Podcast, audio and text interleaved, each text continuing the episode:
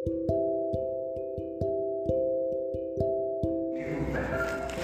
satu contoh yang paling mendasar dalam itu adalah sinar matahari. Bibit butuh sinar matahari, Siap. terutama di usia satu bulan sampai tiga bulan. Kalau yang awal setelah main dia, memang dia belum butuh sinar matahari. Tapi nanti setelah dia berumur satu bulan, sudah keluar kira-kira yang empat daun gitu, nah dia sudah mulai membutuhkan sinar matahari. Begitu juga dengan tanaman anggur. Itu membutuhkan sinar matahari full 100%. Nah, sinar matahari ini sulit untuk di, diubah, digantikan itu sulit. Ya bukan yang nggak bisa, tapi ya punya biaya macam-macam lah. Jadi kebutuhan tanaman dan itu harus dipenuhi sejak awal kita memilih lokasi. Siapa di sini yang sudah punya calon lokasi yang mau menanami anggur atau bibit anggur? Mas Didi, ada nggak? Ada. Ada. Sinar mataharinya full ya? Kebetulan lerengnya ngadep ke timur. Nah, mending ya. Lereng nggak full, berarti sinar matahari pagi kan Full. Iya. Kalau sore masih ya? Kalau sore masih pak. Kebetulan landai lah nggak terlalu Nah, tinggi. Pak Yamin ada nggak lahan yang mendapatkan sinar matahari full? Entah seberapa pun luasnya. Kalau gambaran sih ada. Ada ya? Itu memang harus bongkar pohon bambu. Hmm, Tapi tetangganya ini yang belum dibongkar ini kira-kira Nah, itu masalah. ada ya. Masalahnya itu tetangga sih ya. Iya. Bukan kami kita ya. Itu tuh kan Jadi bapak pas lahan Ada lahan yang di lahannya bapak itu ada pohon bambu bisa dibongkar. bisa dibongkar. Tetapi sebelumnya masih ada nah ini. Kalau misalnya pohon bambu yang di lahannya bapak itu dibongkar, sinar mataharinya bisa dapat dari jam berapa sampai jam berapa? Kayaknya agak siang ya. mulai dari jam 10 ke sini. Jam 10 sampai sore. Iya. Yang paginya yang Paginya itu yang kurang ya. Tapi kalau yang di pohon di pohon durian memang ini full. Eh, hanya sudah ada tanaman durian. Iya. Dulu juga masalah ini. Apa nun sewu panjenengan survei ke sana? Kira-kira bisa apa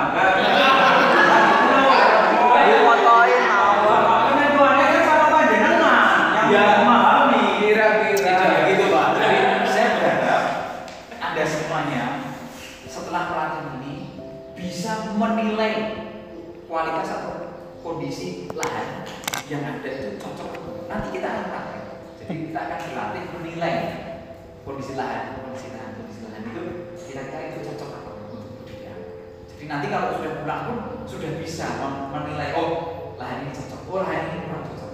Itu bisa. Nek saya pas lewat lalu saya mampir sih bisa Pak. Tapi nek harus ngajak ke sana kan harus menyiapkan waktu khusus. Ya, maksudnya kalau ya umpama yang jauh kalau arah ke barat kan kalau saya baca dengan hormat dan sangat yang tersok tindak hubungan Iya, saya senang kalau misalnya bisa mampir ke sana. tapi durasinya belum Oh, tidak masalah. Nah, Tidak, tidak. Yang penting ada ayat penting. Oke siap. Terus ada ayam laku yang banyak laku kok di sebelah. punya tetangga. Yang yang penting calling dulu. Ya. Yang penting calling dulu. Pak Nyamir saya posisinya di sebelah saya di mama. Untuk merapat kira-kira nanti jam segini dan nanti kan mungkin ada yang Saya persiapkan ayam.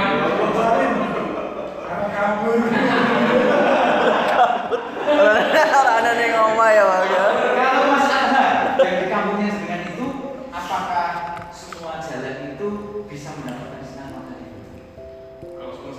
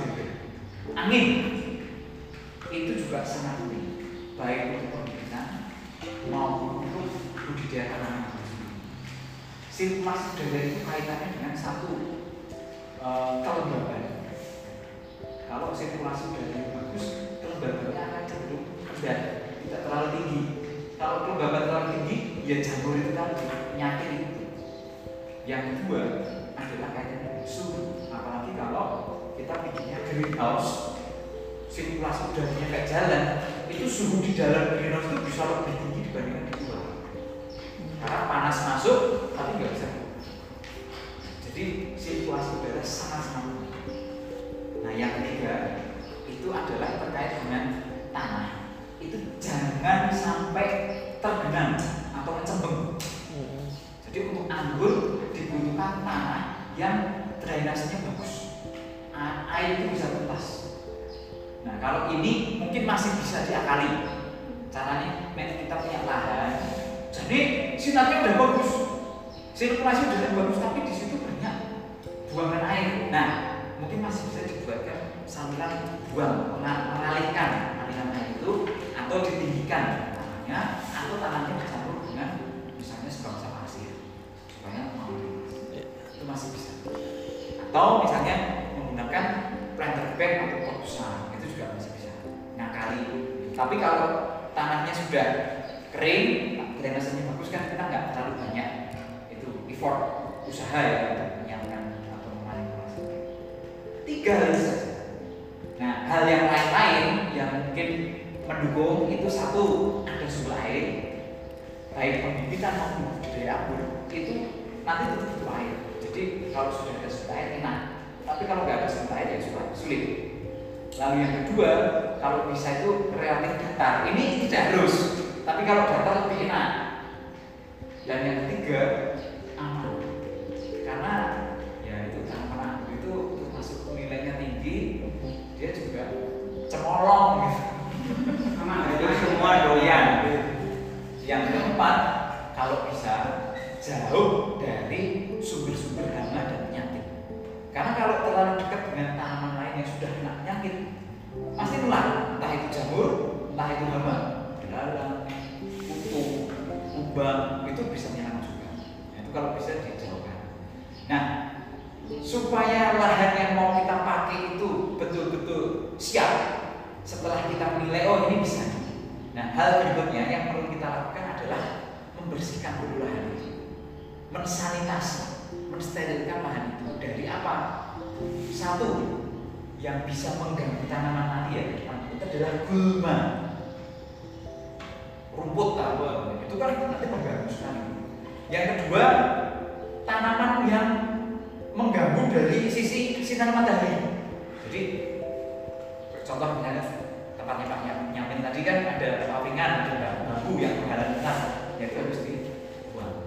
Mungkin ada tanaman semon, pete, kelapa, yang kira-kira tanaman anggurnya nanti kan keoman lah, itu. Lalu yang berikutnya adalah mensterilkan atau membersihkan lahan dari hama dan penyakit. Hama itu contohnya serangga, lalu ada ulat ya, kutu, kubang, termasuk yang di dalam tanah itu ada uret, ada kapuk, ada gangsir, apalagi yang Rayap. rayap itu juga harus diantisipasi. Lalu belalang, nah, terus jamur itu juga perlu diantisipasi karena tidak selalu lahan yang kita pakai itu sudah bebas dari jamur. Nah, bagaimana cara mengantisipasi jamur? Kalau jamur itu baiknya pertama setelah kita buat lubang tanah nanti itu sebaiknya dibiarkan terpapar dulu sinar matahari minimal dua itu yang bagus. Jadi termasuk jamur itu diharapkan nanti aman. Yang kedua, dikapur. masih kabur itu juga bisa untuk mengendalikan jantung nah yang ketiga kalau memang masih diperlukan bisa dikasih obat anti jamur nah obat anti jamur yang paling ramah lingkungan itu adalah trichoderma dia sebenarnya bukan obat kimia tapi obat biologis. Jadi trichoderma itu sebenarnya adalah jamur tapi jamur yang bisa membunuh jamur lain. Jadi trichoderma ini jenis jamur atau kapang yang dia bisa menekan pertumbuhan jamur yang lain nah itu bisa dicampurkan dalam media tanam. Kalau untuk mengantisipasi hama misalnya kutu ulat lalu belalang kubang itu bisa kita semprot dengan insektisida. Kalau rumput gulma ya bisa manual atau disemprot pakai herbisida kita perlu mengenal istilah-istilah ini ya. Semua namanya pestisida. Di pestisida itu bahan untuk mengendalikan hama maupun penyakit. Semua termasuk gulma itu dikendalikan bisa dikendalikan dengan bahan tertentu itu bahan disebut kalau yang untuk mengendalikan gulma itu namanya herbisida kalau yang digunakan untuk mengendalikan serangga namanya insektisida kalau yang digunakan untuk mengendalikan jamur namanya fungisida fungi itu jamur insek itu serangga her, her, herba itu tanaman. Kalau yang digunakan untuk mengendalikan kutu itu akarisida kalau untuk mengendalikan cacing parasit bukan cacing tanah ya tapi cacing parasit itu namanya nematisida kalau yang digunakan untuk mengendalikan bakteri berarti bakterisida ada lagi untuk men- mengendalikan hewan-hewan lunak sebangsa keong siput itu namanya molluscisida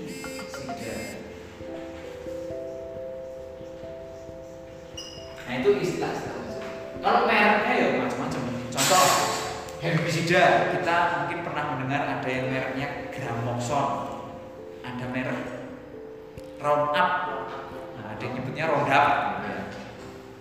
Lalu untuk insektisida ini macam-macam. Ada yang mereknya Lanet, ada yang mereknya apa? Kurakron, ada mereknya Kuradan, Matador, lalu Demolis, lalu Durusban, fungisida juga banyak mereknya, Ditan, lalu apa nih? Ya, Skor, lalu nah, ada lagi saya saya nggak apa. Akarisida saya juga nggak apa. Nematisida itu contohnya juga termasuk furadan itu dia insektisida sekaligus nematisida. Tapi yang jelas apa pun mereknya kalau mau mengendalikan rumput gulma yo belinya herbisida. Mau merek apa pun tidak masalah. Yang penting herbisida, jangan nyemprot rumput pakai insektisida. Itu ya cocok. Nah, sanitasi lahan ini sangat penting karena berpengaruh terhadap pertumbuhan tanaman dan hasil nanti.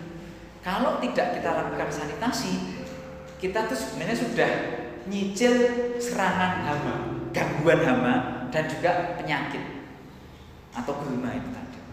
Nah, jadi sebenarnya sanitasi lahan itu adalah salah satu upaya pengendalian hama, penyakit atau gulma, tapi sifatnya secara preventif mencegah.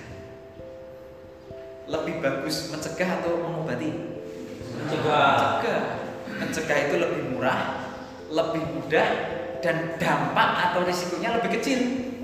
Tapi kalau sudah kena serangan, kita obati, keluar biaya lebih mahal, kita juga lebih repot karena harus berkali-kali gonta-ganti, dan juga pasti ada kerusakan yang tidak bisa pulih. Tapi kalau mencegah itu lebih baik. Nah, ini salah satu pencegahan. Nah, setelah ini nanti kita akan praktek menilai lokasi lahan. beberapa lokasi yang akan kita lihat adalah yang pertama nanti di eh, sini belakang samping greenhouse ini belakang rumah saya termasuk samping rumah saya nanti akan kita nilai yang kedua adalah di samping sini yang ketiga di belakang sana nah nanti kita tambah lagi yang di samping-samping sini atau depan itu kira-kira seperti apa kalau misalnya dipakai untuk budidaya anggur? Jadi budidaya anggur itu tidak harus di lahan kebun ya tidak harus di lahan yang khusus untuk pertanian ya. Kita bisa memanfaatkan pekarangan-pekarangan halaman samping rumah atau depan rumah atau malah di jalan gang itu bisa. Di tempat-tempat yang sempit pun bisa. Kita misalnya punya apa ya semacam garasi nah, mau dibuat untuk tanaman anggur? Bisa. Yang penting jangan ditutup pakai asbes ya. Jadi nanti bawah itu bisa untuk karpot atasnya tanaman anggur. Jadi memanfaatkan tempat-tempat yang sempit seperti itu bisa. Yang penting tadi sinar matahari. Yang kedua apa? Sirkulasi udara. Yang ketiga Suhu. Bukan. Tanah. Tanah. tanahnya. Sirkulasi udara. Suhu itu terkait dengan sirkulasi udara. Yang ketiga tanahnya. Jangan sampai tergenang. Bisa dituntaskan air sampai di sini ada pertanyaan terkait dengan lokasi untuk budidaya tanaman anggur Pak Nyamin. Sebelum ditanam, tanah itu kan harus diini dulu. diolah dulu. Enggak, disemprot dulu tadi. Oh, nggih, nggih, betul, Pak. Nggih. Itu selang waktunya dari penyemprotan sampai melaksanakan penanaman jangka waktunya berapa hari? minimal dua minggu Pak. Minimal. Paling cepat. Syukur bisa lebih. Jadi dua minggu itu diharapkan eh, bahan kimianya tadi terutama kalau kita nyemprotnya menggunakan pestisida kimia ya itu sudah hilang. ada lagi yang lain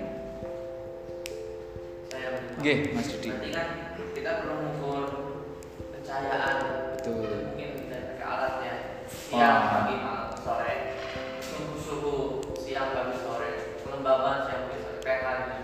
Ah, sebenarnya itu kalau untuk penelitian ya harus itu standarnya memang begitu. Untuk mengukur intensitas cahaya itu ada namanya lux meter. Kalau lama penyinaran sih itu dijami aja lah ya. La- Lalu untuk mengukur suhu itu ada termometer. Termometernya yang ruangan, jangan termometer badan. Untuk kelembaban kita mengenal yang namanya hygrometer. Tetapi kalau untuk praktisnya dan kebanyakan petani itu tidak menggunakan alat-alat gitu. Yang penting kita tahu bahwa sinar mataharinya itu tidak terhalangi. Terus lama penyinarannya itu full dari pagi sampai sore, itu kan bisa lah diamati lah ya. Lalu untuk suhu ya dirasakan saja. Kalau mau ya lihat di Google itu apa di kan ada ya bukan suhu ruangan loh ini loh ya. Yang di HP itu namanya suhu daerah. Suhu daerah. Suhu suhu udara di daerah itu. Itu bisa digunakan sebagai acuan.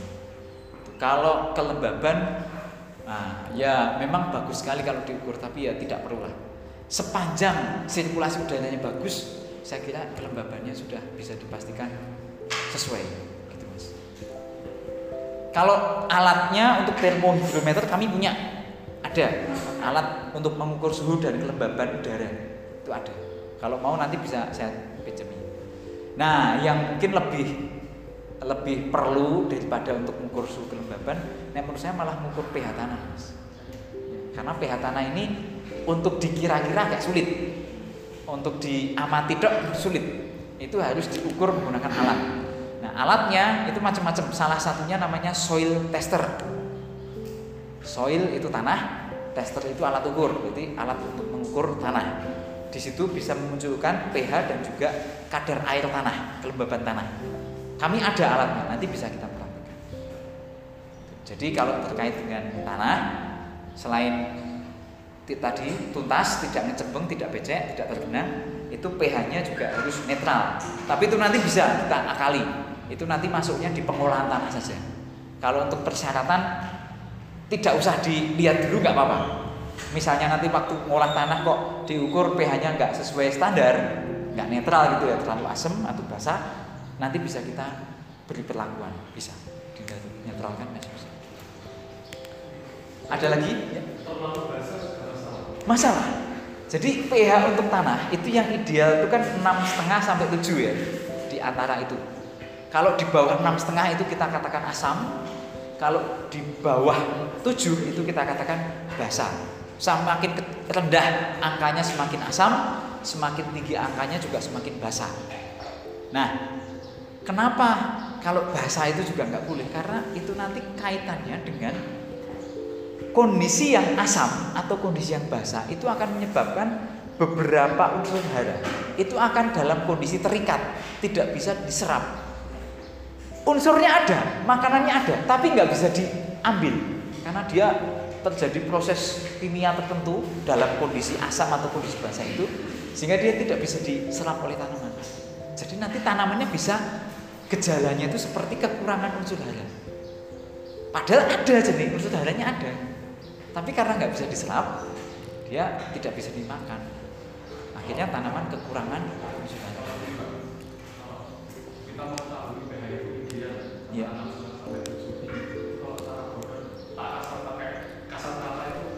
nanti- Ciri-cirinya seperti apa ya?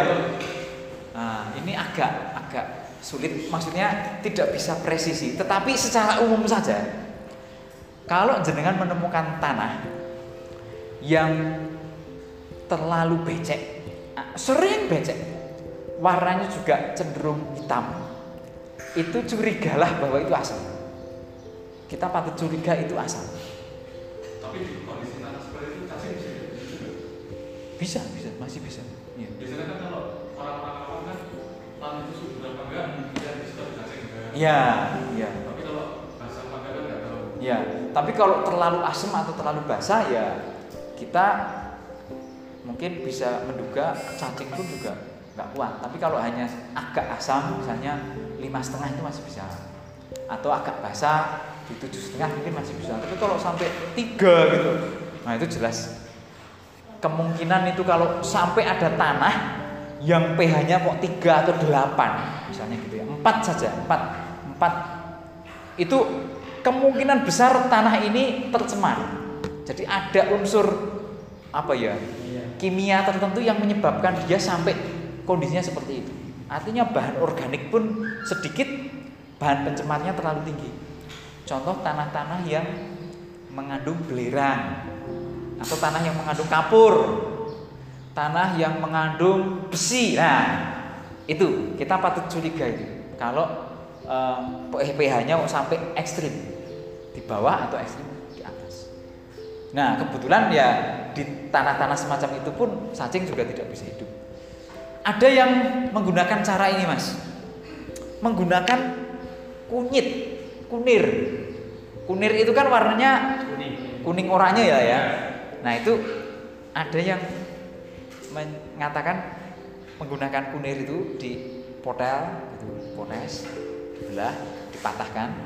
Yang satu dipegang, yang satu diucek-uceknya ke tanah. Nanti terus dilihat ada perbedaan warna nggak? Kalau warna yang diucek-ucek tadi itu berubah, ini sudah nggak netral. Entah asam atau basah gitu saya saya kurang paham, lupa. Kalau yang asam indikasinya apa, kalau yang basah gimana? Tapi itu akan menyebabkan perubahan warna beta karotin dalam kunir itu. Warna kuning itu akan berubah. Nah itu bisa untuk ya istilahnya ya, cara praktis lah ya, Ca- cara praktis. Tapi kalau secara penampilan ya mungkin kita patut curiga terhadap tanah-tanah yang tadilah batuan kapur atau yang kandungan sulfur belerangnya tinggi itu kan biasanya warnanya agak-agak apa ke kuning merahan ya. Seperti di daerah Dieng itu kan ada itu yang mengandung belerang atau di daerah Batu Raden tuh. Kan ada itu yang apa sumber mata air panas itu kan ada belerangnya itu. Kita patut curiga dengan tanah-tanah yang seperti itu. Atau tanah gambut yang eh, terlalu banyak air dan juga bahan organik terlalu banyak itu juga cenderung asam biasanya. Nah, itu yang saya tahu. Tapi secara lebih spesifik lagi eh, saya belum belum bisa. Kan ya. netral itu sudah dikatakan netral di bawah enam setengah misalnya 6 itu sudah agak asam perlu kapur. Di atasnya 7 misalnya 7,1 atau 7,2 itu sudah mulai agak basah. Itu juga perlu diberi bahan pemunah misalnya pupuk organik agak banyak. Itu nanti bisa, dia bisa ada lagi yang lain? Pak Nyamir? Untuk menetralisirkan tanah yang asam itu kita nabur dolomit. kapur dolomit kapur pertanian Nah itu dosisnya waktu oh waktunya itu sampai berapa kali? Sedangkan selang waktunya itu juga oh ya berapa hari? biasanya dilakukannya pada saat kita mencampur tanah yang sudah digali tadi yang sudah dijemur tadi selama dua minggu dengan kan tidak dikembalikan tok tapi dicampur dengan pupuk dicampur dengan bahan pembenah untuk pengembur nah itu juga termasuk ditambahkan kapur untuk penetral. Nah nanti dibiarkan kurang lebih satu minggu pak. Setelah dicampuri pupuk misalnya dicampur tambah penggemburnya arang sekam lalu kapur nah itu dibiarkan selama kurang lebih satu minggu. Enggak ini cerita cerita yang ini pak. Masalahnya kan saya punya pohon durian, yang lainnya subur, G subur ginu-ginu. G G Ya terus ada berapa pohon kemarin ya? Satu, dua, tiga, empat. Yang kelima, yang kelimanya malah udah mati. Terlalu dingin sih su- sinar mataharinya enggak enggak Kurang ya? ya kurang. Lah itu ada yang daunnya sama ranting-rantingnya agak agak loyo gitu loh. Nah itu kan mestinya kan harus dinetral netralisirkan dulu pakai dolomit. nah sebentar daunnya gimana pak Ranting-rantingnya itu agak kering tapi daunnya agak loyo kayak gini loh. loyo. Nah itu kan mestinya asam tanahnya ya. Ah. Yang lainnya kan enggak. Kita belum bisa langsung menyimpulkan begitu pak tanaman yang daunnya mulai layu itu tidak selalu bisa jadi sih memang tapi tidak selalu masalahnya as- tanahnya asam atau mungkin bukan hanya asam iya tanahnya asam tapi mungkin ada masalah yang lain dugaan yang lain adalah kemungkinan yang lain. Akarnya busuk pak. Memang salah satu penyebab akar busuk itu tanahnya asam terus ditumbuhi jamur atau bakteri. Itu bisa. Terus akarnya rusak. Itu bisa. Tapi kan berarti bukan hanya sekedar tanah asam. Kalau memang di situ sudah ditumbuhi jamur atau bakteri ya kita harus menanganinya bukan hanya menangani tanah tapi juga menangani akar yang rusak atau sakit itu pak. Jadi Caranya? nah pertama gini dulu. Kita harus yakin dulu tahu dulu penyebabnya loyo apa. Itu dipastikan dulu pak. Contohnya begini. Kalau tanaman kok layu kita curiga ke akar. Kalau kita sudah menduga sudah punya dugaan yang selanjutnya adalah kita buktikan. Mungkin bisa ditokel-tokel kita lihat akarnya gimana. Kalau akarnya memang betul ternyata rusak sakit. Nah sakitnya disebabkan oleh apa? Apakah jamur atau bakteri? Atau malah virus? Tapi kemungkinan besar biasanya dua ini pak. Kalau nggak jamur bakteri. Bedanya apa? Kalau jamur itu biasanya ya ada bintik-bintik putihnya. Kalau di, bak- di, di, di, akarnya, Di akarnya. Ya, jadi busuk disertai dengan eh, lamat-lamat putih itu loh. Nah, terus kalau di kalau bakteri saya kurang tahu tapi itu nanti harus dipotong melintang juga untuk dilihat. Pokoknya ada ciri-ciri lah. Saya untuk durian saya belum paham betul. Untuk bakteri itu ciri-cirinya seperti apa. Tapi kalau kita sudah tahu penyebabnya busuk itu entah itu disebabkan jamur atau bakteri, kita sudah tahu oh ini sebabnya jamur. Baru kita obatnya. Salah satunya dengan dikasih obat fungisida. Kalau ternyata bakteri, ya pakainya bakterisida. Jadi tidak bisa sembarangan. Sebentar ya. Halo Mbak. Halo. Ya. Saya di kelas.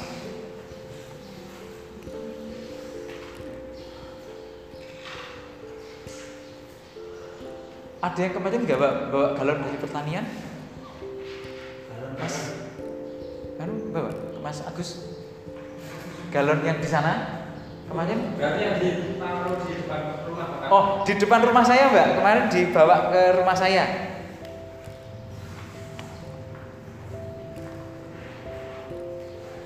Ya nanti dikembali, tak, nanti tak peserta minta tolong untuk kembalikan. Iya. Ya, sama-sama Mbak. Oke, lanjut. Wah ini membahasnya jadi agak panjang nih. Kalau kita sudah tahu penyakitnya, kita bisa menentukan obatnya. Nah, saran saya terkait dengan pengobatan ya Pak ya, untuk pengobatan. Satu, jangan hanya menggunakan satu cara. Jadi pengobatannya itu jangan hanya menggunakan satu cara. Bahkan jangan hanya menggunakan satu merek obat. Di obat ya iya, tapi cara lain ya iya. Contoh misalnya tadi dikasih fungisida, tapi juga tanahnya dikasih kapur. Berarti kan sudah dua cara. Obatnya pun, fungisidanya pun jangan cuma satu merek. Paling tidak dua atau bahkan tiga merek. Misalnya fungisida merek A, B, sama C. Nanti diselang-seling pak. Pertama pakai yang merek A dulu, tiga kali dikocor. Setelah itu ganti yang B, kocor lagi. Nanti ganti lagi yang C. Nah yang terakhir dicari tahu penyebab akar penyebabnya. Kok bisa tumbuh jamur? Kan jamur itu juga tumbuh itu ada karena tidak tiba-tiba kan, juga ada sebabnya kan. Contoh misalnya, oh dia ketularan tanaman lain. Oh karena di situ memang kencembeng, jadi memang disukai jamur karena terlalu basah. Atau hal yang lain. Nah, itu juga harus ditangani. Jangan dibiarkan hanya ibarat kita tak punya rumah kok bocor. Oh, bocornya dipel. Tapi jangan hanya ngepel lantai. Atapnya juga harus dibeneri. Kok bisa ada kebocoran tadi? Kok bisa ada lambah-lambah air itu kenapa? Oh, atapnya. Seperti itu. Nah, itu hanya gambaran saja. Tetap harus ada pengamatan, Pak, observasi, dilihat, diamati. Sambil diingat-ingat dulu waktu nanam itu kenapa ya tanah di sini atau bibitnya atau memang ada sesuatu yang menyebabkan dia seperti itu. Nah, dokter yang paling baik itu adalah petani itu sendiri, bukan orang lain. Karena yang tiap hari menangani si tanaman kan petaninya. Jadi dia yang apal betul sejarahnya tanaman ini seperti apa dari kecilnya sampai gedenya, tanahnya seperti apa itu yang paling paham adalah petaninya. Masalahnya yang saya herankan mulai dari nanam sampai ya termasuk berarti sudah 11 bulan lah kalau salah. Tadinya subur, Tadi. lebih minum Iya. Tapi setelah daunnya mungkin mau ganti, Hmm. ambrol. Tadinya pucuknya yang gosong, Iya. lama-lama ambrol, Iya. ambrol terus baru ya, pupusnya lagi Iya, baru. iya, iya. Itu kok tahu udah udah melebar kok terus loyo gitu. Ya. Padahal pohon itu semua orang yang lewat ngalem gitu. Iya, iya, iya, iya. Ya Allah, pengen arah loyo kemarin saya tak lulus-lulus. Apa saya kowe gitu deh, kowe saya aku ya. Pak. Saran saya cek coba cek akarnya. Saya curiga. Akarnya. Ya ini kemungkinan ya Pak ya. Ya. Ini kemungkinan pertama akar. Dicek dulu akar. Oke, ada yang lain? Mas Amin? Untuk fungisida itu bacaan rakol, jitan, terus bakonil itu ada tulisan WP. WP. Nah, terus itu kok WP-nya itu berbeda-beda ada yang 40, ada yang 45 sampai ada yang 80. Itu ketika kita eh, untuk eh, pencegahan pada tanaman anggur sebaiknya menggunakan yang WP-nya sedang atau yang rendah atau yang tinggi. Iya. Terus WP-nya ini sendiri apa? Setahu saya Mas ya, WP itu artinya apa ya? W-nya apa terus P-nya powder gitu setahu saya. Jadi itu yang bentuknya tepung. Kalau cairan kan EC. Iya. Nah, kalau yang WP itu yang bentuknya tepung. Kalau yang cairan, misalnya EC 200, EC 500, itu sebenarnya kode yang menunjukkan bahan aktifnya dia itu berapa persen. Jadi dalam suatu cairan itu kan tidak semua cairan itu bahan aktif, tapi contoh alkohol. Alkohol kan ada yang 90%, ada yang 70% gitu kan. Ada yang 2% itu kalau minuman itu. Nah, itu menunjukkan berapa kadar bahan aktif dari seluruh bagian bahan itu. Nah, itu yang saya tahu untuk yang EC. Dugaan saya yang WP juga prinsipnya sama. Jadi dalam tepung itu tidak semuanya itu bahan aktif ada campuran tepung yang sebagai yang fungsinya itu campuran tapi bahan aktifnya sendiri itu sekian persen atau sekian bagian itu dikodekan di angka yang mengikuti kode WP tadi. Nah, terkait dengan untuk anggur itu berdasarkan pengalaman beberapa praktisi itu disarankan menggunakan yang jangan yang terlalu keras. Eh, kemarin Pak Herman juga menyarankan kalau bisa jangan menggunakan skor apa ya? Iya. Iya. Skor berarti temennya skor itu antrakol ya. Satunya skor apa? Yang sama-sama fungisida plus ZPT itu apa? Ya.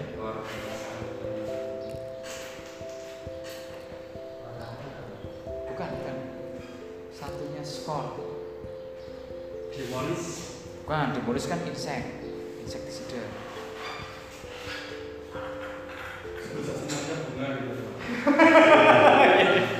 Ya itulah, itu terlalu keras itu mas. Fungisidanya terlalu keras. Eh, untuk tanaman anggur kayaknya kurang cocok. Nah, tetapi secara umum gini, kalau kita mau mencegah, kan baik fungisida, insektisida atau yang lain, itu kan digunakannya itu sebaiknya bukan hanya pas kena serangan, tapi juga untuk rutin pencegahan. Nah, kalau pencegahan, gunakan setengah dari dosis anjuran. Kalau pencegahan, eh, untuk pengobatan baru menggunakan dosis anjuran. Lalu yang kedua, frekuensinya juga sama. Kalau untuk pencegahan, frekuensinya jarang-jarang aja, mungkin dua minggu sekali.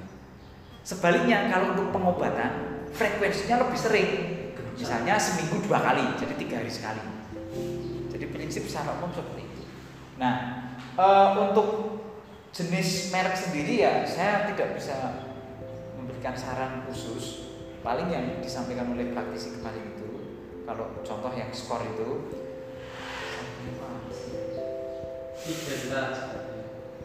sejenis skor. Pakai Staristar apa ya? Amistar, Amistar Top. Amistar, ya. Nah, Amistar Top itu juga sama dengan skor, itu terlalu ker- keras.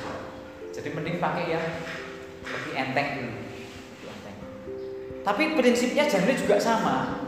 Jangan gunakan satu merek. Jadi misalnya katakanlah kita masih pencegahan ya. Kalau pencegahan kan selain menggunakan dosisnya setengah, setengah dari dosis anjuran, kan frekuensinya juga agak jarang, katakanlah dua minggu sekali. Jadi katakanlah sekarang pakai merek A, dua minggu lagi kan jadwalnya nyemprot, masih pakai A. Dua minggu lagi semprot, jadwalnya itu pakai A lagi. Nah tapi berikutnya ganti yang lain, merek B. Dua minggu lagi merek B, dua minggu lagi merek B. Sudah begitu, kalau bisa ganti lagi merek yang lain. Jadi karena setiap merek itu memiliki bahan aktif yang berbeda, ya kan? Jadi sasarannya juga berbeda kan? Jangan sampai kita sudah mematikan atau membunuh spora jamur X, tapi yang jamur Y nanti muncul. Karena memang obatnya khusus untuk yang X. Si A ini, merek A ini untuk jamur X. Nah, ganti yang merek B yang bisa untuk mengendalikan jamur Y. Jadi nanti jamur X maupun jamur Y tidak akan tumbuh. Nah, nanti udah gitu ganti lagi kalau bisa dengan merek C yang bisa untuk membunuh bak- eh, bakteri atau jamur Z misalnya. Jadi kombinasi, divariasi. Bisa menangkap ya? Terus itu penggunaan BB-nya itu eh, kita ambil yang paling ringan atau yang paling sedang? Nah. Yang awal-awal untuk pencegahan. Kalau secara umum sarannya itu dimulai dari yang enteng dulu. Tapi beda bahan aktif itu juga beda sasaran sih. Jadi itu sebenarnya tidak tidak semata-mata eh, kalau BP-nya tinggi itu dia berarti yang sudah keras. Tidak semata-mata begitu. Karena bahan aktifnya beda, tujuannya juga beda, sasarannya beda. Gitu. Jadi eh, patokannya dosis anjuran aja. Kalau untuk pencegahan dari dosis anjurannya dia kita pakai setengahnya aja. Walaupun tulisannya WP-nya gede atau kecil yang kita ikuti dosis saja. Untuk pencegahan dipakai setengah, kalau untuk pengobatan sesuai dosis. Gitu aja. Mungkin ada lagi yang lain? Iya mas Yudi. Saya mau bertanya Pak, lahan saya kan miring ya. Iya. Lahan miring itu perlakuannya seharusnya dikurangi ya. Kalau lahan datar tanpa perlakuan yang seperti pencampuran seperti itu bisa ya. Kalau saya kalau dalam pencampuran malah sering longsor. Terus kadar organiknya pun saya lihat sering tercuci air hujan jadi yang keras-keras warnanya itu merah cadasan lah sangat cadas terus kemiringannya pun saya kira kurang saya nggak paham cara ngitungnya ada nggak batas kemiringan buat nungguin lahan itu siap digunakan? Terus perlakuan seperti apa kalau bahan organiknya sedikit atau tanahnya lebih condong ke tanah cadas Iya, iya. sebelum digunakan Ya. setelah itu terakhir saya mau nanya lahannya itu sampingnya itu ada tetangga cara aman seperti apa buat melindungi kebun kita dari gangguan tetangga yang misalnya ngambil bibit ngambil buahnya gitu. Iya, iya, iya. Oke, ini pertanyaannya Mas Didi itu selalu banyak dan berat. Bukan menurut banyak dan berat. Pertanyaan-pertanyaan kelas kelas berat. Oke, saya coba dulu ya Mas ya. Kita diskusi nanti kalau ada yang punya pendapat atau ide boleh. Kalau menurut saya eh, lahan yang miring itu kan memang tingkat erosinya lebih tinggi ya Iya. dan untuk pemeliharaan juga agak repot. Tapi sebaiknya dibuat teras. Tapi itu juga ada batasnya, kemiringan tertentu. Untuk mengukur kemiringan itu bisa menggunakan ini mas, perbandingan antara beda tinggi dengan jarak panjang. Itu namanya tanam. Jadi kita mengenal istilah untuk kemiringan itu dalam dalam satuan derajat sama ada dalam satuan persen. Contoh misalnya ketinggian eh, kemiringan 45 derajat. Berarti itu artinya 45 derajat itu seperti yang kita tahu lah. 45 derajat itu kan kalau ini sama dengan ini kan? Ya kan? A beda tinggi, B itu jarak ukur ini jarak itu sama. Itu kan ini berarti 45 derajat. Itu kalau kemiringan dalam satuan derajat. Tapi ada juga kemiringan itu satuannya bukan derajat tapi persen.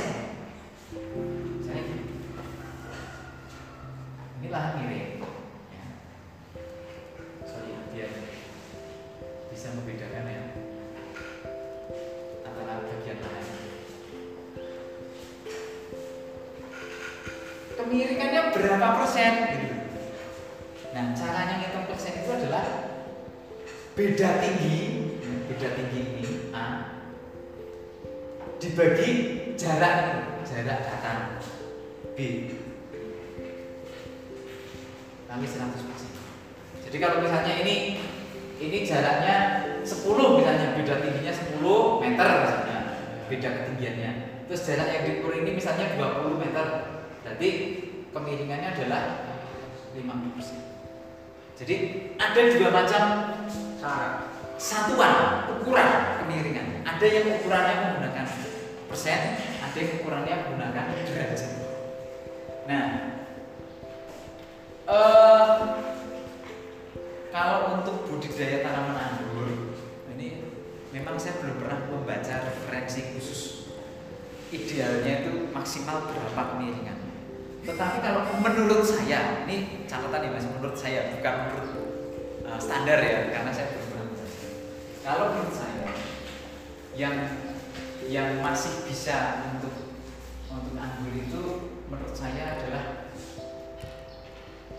50% masih bisa 50. kalau lebih dari 50% atau kalau di derajat saja ya derajat itu mungkin sekitar 30 derajat itu masih bisa tapi kalau sudah 45 derajat kayak gini apakah lagi lebih atau lebih dari 100% ya? Lebih dari 100% itu nanti erosinya terlalu tinggi terus kitanya juga sudah kan tanaman anggur itu kan butuh pemeliharaan agak sering ya mas ya. Walaupun dia tidak seperti sayuran yang setiap hari, anggur nggak harus setiap hari, tapi ya mungkin setiap minggu lah. Itu nanti kita yang repot, sulit kalau lahannya itu sudah lebih dari 30 persen. Misalnya 45 persen itu sudah sudah sulit. Nah itu cocoknya kalau daerah yang di atas 30 persen, 30 persen derajat saya, 30 derajat atau 5 persen. Itu sebaiknya saran saya mas, itu untuk tanaman-tanaman keras saja, tanaman tahunan yang kita nggak perlu memelihara setiap hari. Terus yang perakarannya dalam, jadi dia juga bisa menahan erosi erosi dan longsor. Itu. Jadi untuk anggur, anggur itu perakarannya dalam apa dangkal? Dangkal karena anggur yang kita tanam itu hampir semuanya itu stek, bukan biji. Kalau biji masih mending, dia masih punya akar tunggang. Kalau anggur yang di, dibibitkannya, bibitnya itu dari biji. Tapi kan kita enggak dari biji kan, kita kan stek. Jadi akarnya itu boleh dikatakan semuanya ke samping. Nah karena akarnya ke samping, dia nggak akan kuat mas kalau lahannya terlalu miring. Jadi saran saya maksimal itu di 30 derajat. Itu sebenarnya sudah kalau untuk sayuran sudah nggak boleh. Sayuran itu kalau nggak salah maksimal di 10 derajat.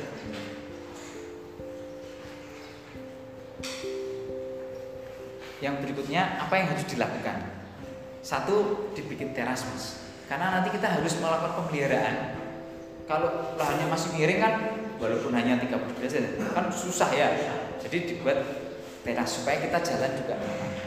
Yang kedua, kita bikin lubang tanam. Sama dengan eh, untuk di lahan biasa, kita bikin lubang tanam. Tapi saran saya untuk model rambatannya, rambatannya. Kalau terlalu miring sehingga teras teras terasnya itu jadi nggak bisa luas kan? Kalau miring kan terbatas teras yang bisa dibuat. Nah itu yang paling masuk akal adalah model rambatan trellis pagar, bukan yang parah-parah. Jadi saran saya tanamannya nanti dirambatkan model trellis atau pagar, sehingga kita harus menyiapkan tiang tiang untuk dipasangi kawat atau tali untuk. Nah selebihnya adalah pembuatan uh, beberapa fasilitas untuk mengurangi tingkat erosi. Ada yang disebut sebagai rorak. Ada yang pernah dengar? Mas Agus pernah dengar rorak? Kalau di perkebunan ini ada. Jadi kalau kita punya lahan miring, itu kan nanti dibuat teras. Ini kan Teras sharing. teras sharing ya, teras sharing. Teras itu maksudnya teras sharing. Ini kan ya. Nah, kalau sudah dibuat teras kan kita buat lubang tanam nanti, ini kan. Nah. Tapi kan masih ada kemungkinan air itu kan, nah gini kan ya, lewat gini kan nanti. Iya. Itu bagusnya di sini kasih cekungan. Hmm. penampungan ya Ya, ini. Jadi air yang membawa tanah dari atas itu masuk nanti akan tertampung di sini, ditahan. Lalu yang kedua, di sini juga bisa ditambahkan lubang-lubang kecil. Ini yang disebut sebagai rorak. Biasanya lubangnya itu ukurannya 40 cm atau 30 cm. Terus panjangnya sekitar 1 meter. Itu juga sama sifatnya. Untuk mengumpulkan tadi eh, tanah-tanah yang terbawa arus supaya tidak hilang tertanam itu namanya kalau ini namanya apa ya saya lupa. penampungan Yes, pokoknya semacam parit kecil lah parit panjang kecil yang fungsinya untuk menampung bukan air lumpur lumpur yang terbawa oleh air itu supaya lumpurnya itu tidak hilang. Nah, yang berikutnya ya sama dengan yang di lahan biasa, kita setelah membuat lubang tanam harus dicampur dengan pupuk organik, lalu bahan untuk pembenah. Kalau tempatnya jangan terlalu banyak batu ya nanti batunya dikurangi, dibuang ya, dihilangkan, diganti dengan bahan membuat media tanam. Batunya seperti apa mas tadi mas? cadas Cadas ya. Nah, batu cadas itu em, dia memiliki sifat ini kalau kalau saya tidak keliru ya, nanti tolong dikoreksi. Satu, dia itu malah porus, eh, maksudnya bukan porus, eh, bisa dilewati air. Jadi air itu tuntas, tidak akan tergenang. Betul nggak? Iya. Betul ya. Tapi kelemahannya dia, dia tidak bisa menyimpan nutrisi pupuk. Pupuk itu gampang tercuci. Itu ciri-ciri dari batu cadas. Sehingga karena dia tidak bisa menyimpan nutrisi atau unsur hara pupuk, selain kita campuri dengan pupuk organik dan juga mungkin bisa arang sekam yang bisa nyimpen apa menyimpan air dan nutrisi ya kita mungkin juga perlu anu mas nanti ke depan dengan menyiapkan sistem vertigasi. Vertigasi. Vertigasi? Vertigasi itu singkatan atau gabungan dari fertilizer dengan irrigation.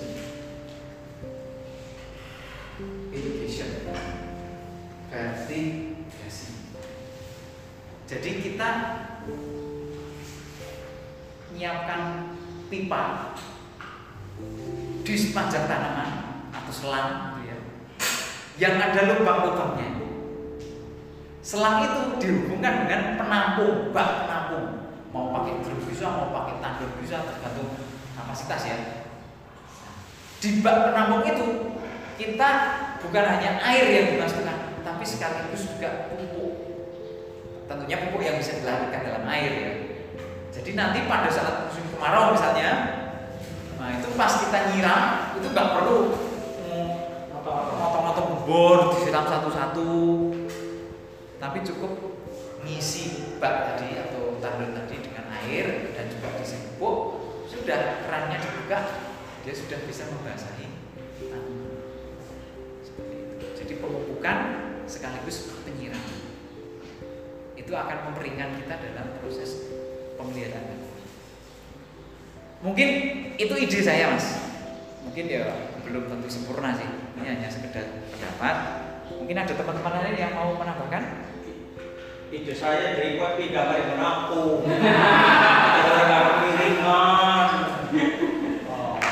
buset. Tapi tenang mas, tanaman anggur itu di padang pasir saja bisa ditanam. Tumbuh. Di Cina itu mereka bisa mengubah gurun menjadi kebun anggur. Kuncinya ini. Jadi ditetes-tetes terus, itu air sudah ada. Jadi nggak hilang air dan pupuk itu tidak hilang. Cukup. Itu nanti kalau seumpama penyiraman kita bikin daripada nyiram yang tadi panjenengan menerangkan itu umpama kita pakai botol aqua digantung dikasih lubang kecil di mana? Bisa. Itu namanya vertigasi yang sederhana. Irigasi tetes model ala kadarnya. Jadi kalau kita mau menerapkan sistem ini irigasi tetes yang paling sederhana yaitu Pak. Kalau orang dulu katanya pakai kendi, Pak. Kendi ditanam. Jadi nanti harapannya dari air yang di dalam kendi itu bisa sedikit-sedikit keluar membasahi tanah di sekitar perakaran. Maksudnya kan itu kan bisa bisa disambi gitu. ya. Bisa. Betul. Bisa nyambi kerja yang lain, Betul. atau pergi ke mana pariwisata.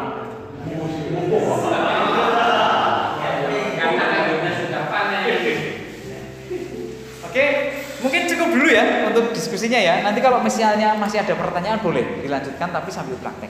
Nah sekarang kita akan praktek menilai kondisi lahan. Setelah itu kita lanjutkan dengan melakukan sanitasi lahan. Nah untuk lahan yang akan kita lihat yang tadi satu di belakang sini, ya, dua di eh, mana tadi? Sini, tiga di belakang, empat di sekitar sini, sama mungkin satu lagi yang di sana belakang pertanian yang barat itu. Kita lihat apakah di sana ada tempat yang cocok untuk entah pembibitan atau untuk budidaya.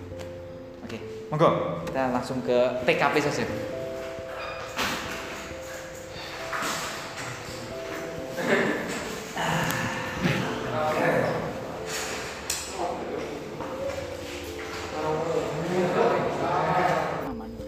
Bangunan ini tidak sepenuhnya menutupi. Mas Dano. Kedua, sirkulasi udara. Sejuk. kurang kayaknya ya Nah, sirkulasi udara itu menurut saya paling banyak malah dari malah dari sebelah dari sebelah selatan. selatan Masih cukup, masih bisa. Yang ketiga dari aspek tanah, drainase. Nah, ini ya sudah kebetulan sudah dibuat saluran air. Nah, yang keempat terakhir dari gangguan. Gangguan itu bisa gulma, bisa hama, bisa penyakit. Yang paling kelihatan saja. gulma Nah, gulma ini gulmanya terlalu tinggi. terlalu ini tinggi masalah nanti. iya bukan hanya tanaman atau rumput ini nanti akan me- apa, mengambil nutrisi yang untuk anggur tapi rumput itu gulma itu biasanya juga menjadi sarang hama hama, Hama. dan penyakit jadi kalau kita tidak bersihkan kemungkinan nanti serangan hama dan penyakitnya banyak bisa ya menilai ini ya kalau masalah keamanan saya kira aman aman. aman aman Kalau dari sumber penyakit hama, ya kita perlu waspada dengan sawah di sana. Karena sawah itu Wereng. biasanya banyak Tungau. Wereng. kereng belalang. belalang Putu. Panyami. Para panyami itu masih ures-ures Selamat pagi Pak. Makanya lihat. Nuhun sewu. Kata saya belum. iya lah harus menang banget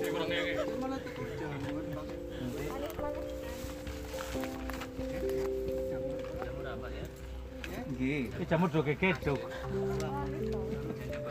Nyamir. Kata saya belum. Nggih Pak. Panganan codo. oh iya Pacare. Ngomong karo Yudi. Bagi plastik berlubang. Oh nggih. Gini aja Pak. Nanti bisa oh ada lagi. Maksud saya kalau bisa ketemu nanti bisa kita eh, cari solusi bareng-bareng misalnya kami tunjukkan tempatnya atau mungkin malah Bapak bisa koordinasi dengan Mbak Puji bisa dibantu nanti Pak untuk belanja. Iya. Nah, nggih netpot. Iya. Oh, iya. Dewi apa aja yang mau namu? Pak, ya? Mundung apa ya? Dengan Mang- Pak. manggis. supaya bisa di Manggis buah rambut ini kamu nggak yang yang manis jadi rela. atau misalnya nggak bisa Mbak Puji bisa nggak nyarikan atau ngasih tahu tempat yang jual Orang lelo lelo vaksin lelo. Nggih. Lelo. Direkam. Yang Mas Ajib napa nggih Asyik. Pohon besar yang anggap saja hutan lah gitu. Sama persawahan itu persentasenya banyak mana pak? sawah Mas sawah lebih banyak sawah karena sawah itu ibaratnya gudangnya makanan jadi hama kemudian paling banyak terus yang kedua karena dia sudah diolah secara intensif itu biasanya juga malah hamanya jadi kan ada perubahan anu ya istilahnya tuh populasi dalam rantai makanan itu ya. jadi biasanya ada yang terus peningkatan populasi gitu. Tapi kalau di ekosistem yang alami biasanya malah berimbang. Jadi predatornya kan masih ada.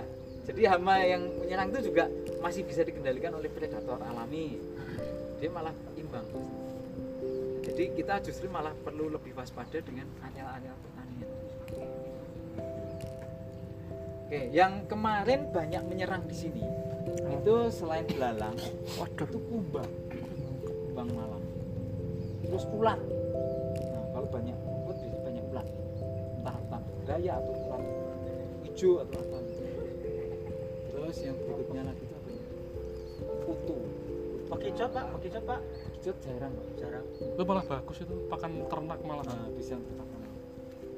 oke jadi PR kita kalau yang ini adalah bukan masalah sinar matahari bukan masalah sirkulasi bukan masalah tanah tapi justru gangguan gulma berarti kita juga sudah sekalian mengantisipasi. Oke, itu. Kalau caranya bisa menggunakan model semprot atau model babat. Ya, manual. Atau di cangkul. Kita lanjut ke. Budidaya. Jadi seandainya ini kita punya kebun ini. kebun ini kalau mau dipakai untuk budidaya anggur, kira-kira sudah cocok atau belum? Oh, Cek dari sinar matahari. full, full, Sirkulasi udara. full. Drainase. Belum. Cocok Belum kurang. Masih Masih sedikit kurang biasanya di bagian yang Tengah. Tengah. yang rendah-rendah. Itu perlu diantisipasi karena ada kemungkinan dia air menggenang nanti, nggak nggak sekedar tunas. Jadi mungkin masih perlu dibuatkan saluran. saluran. Nah, yang menurut saya ini masih kurang adalah tunggul kain, Tunggak. tunggak pohon. Racun. Itu masalahnya di sini satu, kalau kita bikin lubang, entah lubang tanam atau lubang untuk tiang, itu mengganggu. Yang kedua, yaitu kalau dia nanti lapuk dan menyebabkan rayap atau jamur, itu juga bisa. Nah itu jadi gangguan untuk tanaman, sehingga tunggak itu sebaiknya harus Dibuang. dibuang atau dibersihkan. Cuman memang ya Dosa. berat, membuang tunggak itu berat. Jadi mungkin nanti kita anu aja, Alam pakai eh, kita menggunakan model sedikit gabungan ya, sedikit menghindari supaya tidak berat. Sama kalau yang memang mau nggak mau harus di situ lubang ya dibongkar, tapi kan nggak harus semua. Iya. Soalnya kalau di bagian itu yang memang harus kita tanami kok ada tunggak kan ya nggak bisa. Iya. Kalau masih bisa geser geser aja. Tapi kalau mau tidak mau harus di titik itu kan nanti kita bikin anu ya titik tanam ya petak-petak gitu ya untuk menentukan titik tanamnya di mana. Nah kalau memang mau tidak mau ya harus kita bongkar. sama akar-akarnya, Pak. Iya. Iya. Tunggak itu ya. Masa Yang ini jual. Ini bang. Biasanya taruh setahun. Nah boleh kita coba. Tapi Saya kalau masih baru jangka waktunya masih lama. Ya, ya, lama. mau Mungkin ditanam ya kita bisa. coba enggak yang yang untuk praktek aja artinya yang mem- mempraktekkan penggunaan gambut gambut yang dibakar tapi memang itu tempat memang tidak mau kita pakai hanya untuk praktek saja. Siapa tahu itu kan kalau ada teman yang mau mempraktekkan itu kan Oh, nah, dan efektif. Tingkat efektivitasnya segini nah sebenarnya ini juga rencana mau dipenuhi dengan anggur nah, sehingga ini juga perlu ditangani nah untuk yang ini penanganannya kira-kira bagaimana? Jadi dia dibabat. mesin aja pak? Babat. pakai traktor Pakai hand Gropiokan barang-barang. Kayaknya cuma nggak bisa. soalnya ini ada tanaman-tanaman yang agak tinggi. Kayu. Nah, berkayu jadi mau nggak mau itu harus dipotong dibabat terus ya dibersihkan. Kalau yang ini kemarin manual. Jadi nan- nanti kita juga akan besok lah kita mencoba proses pembersihan plus kalau lahannya itu memang terlalu luas atau ada yang bisa tuntas Tes tes. Oke, kita lanjut ke yang pertanyaan aja. Saya tanami anggur. Cocok. Kira-kira sudah sesuai persyaratan atau belum? Eh, bocah-bocah. Sinar matahari Full. Yang enggak full sebenarnya ini mas. Kalau pagi terhadap pisang Babat. pisang ini masalahnya. Iya, iya. Tebang nanti. yang kedua sirkulasi gimana? Hah? Bagus. Lumayan. Lumayan ah. Lah ya. Karena tembok-tembok keliling sih. Tanahnya tergenang apa enggak? Tidak. Karena sudah ada saluran. Saluran. Ini enak banget. Paling hanya menangani masalah Pohon pisang, Mas. gampang lah. Kelompok dua kayaknya ini. Tapi kelompok satu yang banyak itu banyak. Pak, Larinya mau nanya. Ini kan keuntungan nih, ada pagar besi. Kalau di Pagar kampung di pagar bersindi. ini pagar besi, Pak. Tem oh iya, duri. Kebetulan di kampung saya nggak ada pagar. Kira-kira keamanan yang paling bagus apa, Pak? Oh iya tadi ada pertanyaan yang tadi belum saya jawab. Anu, Betul, Pak. Ki ngajak Pak Nyamir di Sapang. Satpam. Saya mas, jadikan jadikan tetangga anda itu malah justru. Nah, Disogok lah. Diajak untuk bareng-bareng. Misalnya satu model kerjasama. Mereka yang di sekitar lahan itu bisa diajak kerjasama mengolah atau mengelola lahan ini. atau yang kedua mereka bisa kita istilah itu diberi bantuan lah sama-sama Menguntungkan. Kalau semua nanam anggur ya pasti akan Aman. sibuk dengan anggurnya sendiri-sendiri nggak ngurusi yang atau yang ketiga ya bisa juga ini juga banyak yang menerapkan kita memberikan ya semacam CSR lah kalau istilah perusahaan ya. Company social responsibility. Artinya kita memberikan eh, Pagi-pagi. pemberi- pemberian sosial. Pemberian sosial yang sifatnya untuk menjalin hubungan baik dengan warga warga jadi mereka pun juga akan baik dengan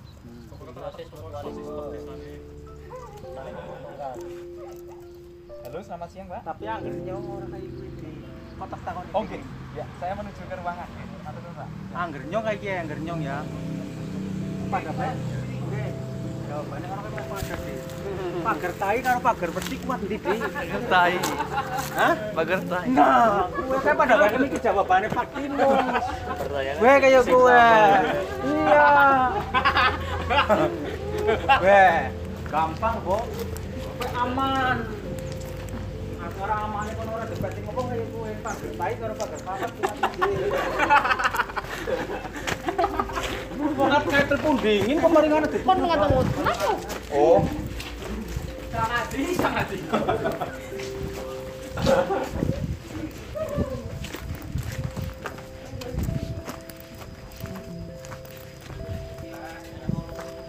Ya harusnya kayak kemarin pas kok bisa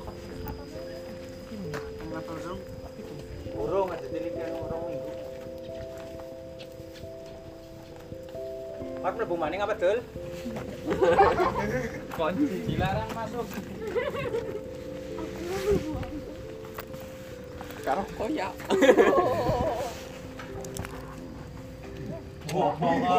Oke, teman-teman, ini lokasi yang berikutnya. Lokasi ini kita pakai untuk budidaya atau pembibitan anggur kira-kira sudah sesuai persyaratan atau belum? Belum. Belum lah. Kenapa, Pak? Sirkulasi udara kurang. Sirkulasi udara kurang. Ya, terus sinar matahari udah jelas ini kena tembok ini kurang. setengah hari mungkin Paling cuma setengah hari ini. Terus kalau menurut saya untuk pembibitan malah bagus.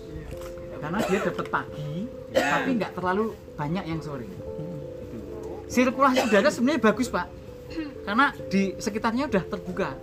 Sudah terbuka walaupun sedikit terhalang oleh tembok. Nah, tinggal kita bersihkan sedikit. Itu sudah bisa untuk pembibitan. Nah, yang terakhir adalah di depan kedua. Tidak.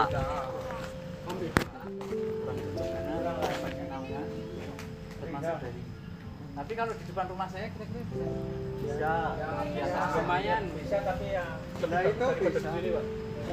Kalau di pinggiran gitu kurang. Tapi kalau dibuat menjulur jadi para-para karena sinarnya lebih dapat. Kalau yang itu kan belum dapat tuh. Karena sekarang mataharinya ada di selatan. Paham ya? Jadi matahari itu bergerak. Kadang di utara, kadang di selatan. Kemarin waktu matahari di utara dia masih dapat sinar cukup. Tapi sekarang Oke, sekarang tugas Anda kelompok satu itu melakukan sanitasi lahan di tempat pembibitan sebelah timur tadi. Kelompok satu. yang pertama. Yang pertama. Oke, siap. Kelompok dua melakukan pembersihan lahan atau